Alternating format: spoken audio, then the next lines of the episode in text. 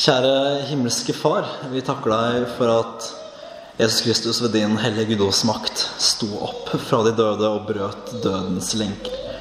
Nå ber vi om hjelp fra din hellige ånd til å forstå det du vil tale til oss i ditt ord. Ved Jesus Kristus, vår Herre. Amen. Vi eh, har noen eh, mørke dager bak oss. Tilsynelatende, i alle fall. Og det er kanskje litt vanskelig å egentlig gå inn skikkelig i påskens mørke.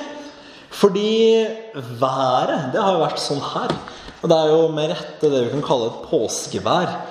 Og jeg opplever i hvert fall det at når det er litt tungt og grått ute, så forsterkes alvoret i ting. Men når man da er i langfredagens sorg og mørke, og så er det strålende sol ute, det blir litt bakvendt. Men dagene vi har bak oss, er ikke til å ta feil av. De har vært ganske mørke, i hvert fall hvis vi tenker kirkelig sett. Palmesøndagens fest den gikk ganske fort over i langfredagens mørke.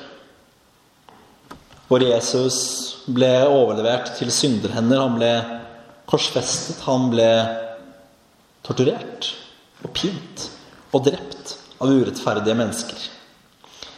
Men nå nå er påsken her. Påskedagens morgen, den er kommet. Og graven, den er tom. Jesus lever. Det er en måte å si det på enda bedre og vakrere. Jesus Kristus er sannelig oppstanden. Det er ikke til å ta feil av. Graven er tom. Jesus lever.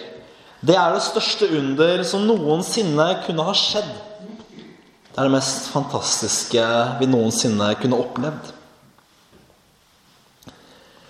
Og Det er flere ting å si om dette. Jeg vil først si litt om kvinnene som vi har lest om fra evangeliet nå, og deres rolle i alt det her. Og jeg vil si det at uh, Mot at Bibelen er kjønnsdiskriminerende, som uh, ofte er en anklage som dukker opp fra tid til annen, så kan det sies flere ting, og jeg mener at det er direkte feil. Men en av disse tingene er jo absolutt at det er hvem som kom først til graven? Jo, kvinnen. Det er eh, noen variasjoner mellom eh, evangeliene, men én ting er i alle fall felles, og det er eh, Maria Magdalenas hovedrolle. Det florerer av Mariaer i evangeliene, og også her så er det Maria Magdalena og den andre Maria. Det var kanskje ikke så farlig med hun. Det var Maria Magdalena som var hovedpersonen. Og det, når vi vet hva mm, kildene sier om si, Maria Magdalenas yrke og hennes uh, livsførsel før hun traff Jesus, så um, sier også det litt om um, hvor spesielt og hvor viktig det er at Maria Magdalena er hovedpersonen i alt det her. Men uansett så er ikke det nødvendigvis heller poenget. Men poenget er at det er kvinnene som er først ved graven. Det er felles for alle evangeliene. Kvinnene er de som møter engelen, eller englene i et annet evangelium. Den tomme graven er det de som først ser. Og den oppstandende selv er det kvinnene som er de første som møter. Og det er jo ikke uviktig. Fordi vi, altså Ingen av oss levde jo for 2000 år siden, men eh, det er jo en kjensgjerning at i samfunnet ellers på den tiden så ble kvinner sett på som ja, ikke bare uviktige, men altså mindreverdige. Det var ikke så farlig med kvinnene. Mennene var de viktige. Det var de som var mest verdt. Kvinner kunne ikke vitne i retten. Deres vitneutsagn ble sett på som dårligere og mindreverdig enn menn. Løst snakk, sladder og vås var slik man så på kvinners meninger og tanker og det de hadde opplevd på den tiden. Det forteller oss mer enn vi kanskje tror. Fordi dette betyr at det at det var kvinnene som kom først til den tomme graven, det styrker vitnesbyrdet om at oppstandelsen, det er et historisk faktum. At det er noe som faktisk har skjedd. En som skulle dikte opp noe sånt. Hvor dum måtte han være for å tenke at ja, nei, jeg skal gi det her troverdighet, denne skrøna mi, denne løgnen. Kvinner var de første. Nei. Det gir større troverdighet enn vi som sitter her i 2018, faktisk kan skjønne.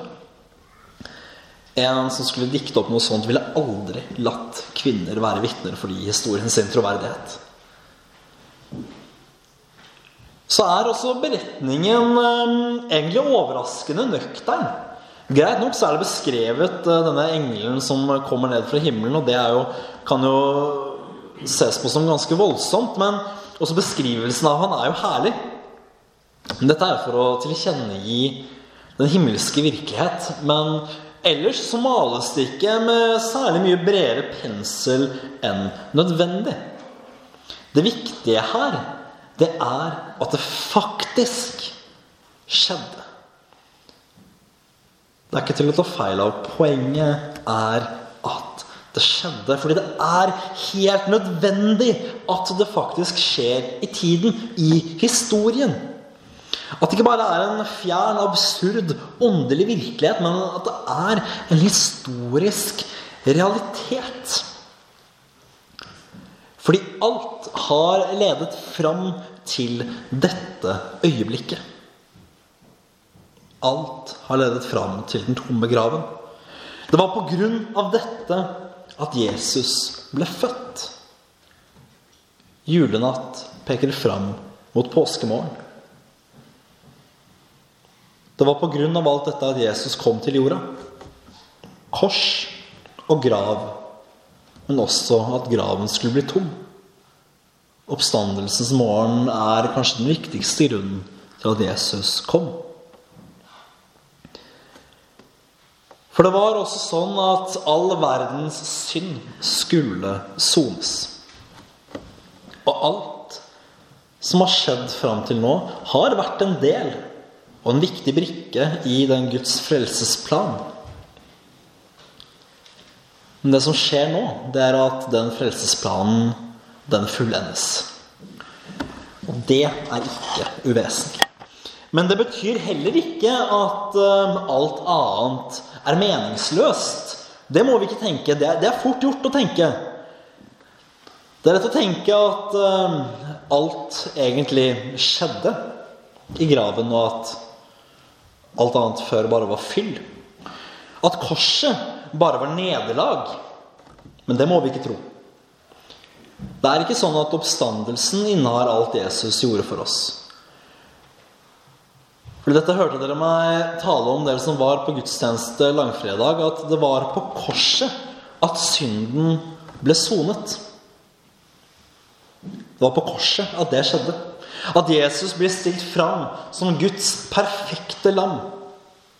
Guds perfekte offerlam som tar bort verdens synd. Og døperen Johannes sine ord oppfylles. Men samtidig som eh, alt annet ikke er meningsløst, så må vi holde fast ved at alt hadde faktisk vært tapt uten oppstandelsen. Ja, Uten den tomme graven så hadde alt faktisk vært tapt. Fordi det er i lyset fra den tomme graven at vi kan se seieren i korset. Og videre, hadde ikke Jesus stått opp fra de døde, så hadde døden fått siste ord. Satan hadde vunnet, og Jesus hadde tapt. Og da hadde alt han hadde gjort, sagt, vært forgjeves. For det er alt kombinert som vi må se sammen. Og det er i graven at Jesus seirer over døden. Det er i graven Jesus vinner. Han vinner, som jeg har sagt, over døden. Han seirer over synden. Han seirer over menneskets hovedmotstander, djevelen selv. Men kanskje aller viktigst er det som skjer, at han vinner for oss det evige liv. Klarer vi å skjønne at det er det som skjedde påskemorgen når Jesus står opp? At han vinner for oss det evige liv? Eller har det blitt noe vi har um, sagt så ofte i kirka at vi egentlig at det blir en, altså en, floskel, at vi ikke helt skjønner hva det egentlig innebærer. At vi sier det fordi vi vet at det er sant og vi vet at det er viktig, men at vi egentlig ikke skjønner hva det innebærer evig liv. At Jesus sto opp fra de døde, det innebærer at vi aldri mer skal skilles fra Jesus. At vi aldri mer skal skilles fra Gud. Her avsluttes Guds frelsesplan. Og ved oppstandelsen så er frelse og evig liv tilgjengelig for den som tror på Jesus Kristus. Det må jo være det beste. Det beste budskapet som noen noensinne har kommet med.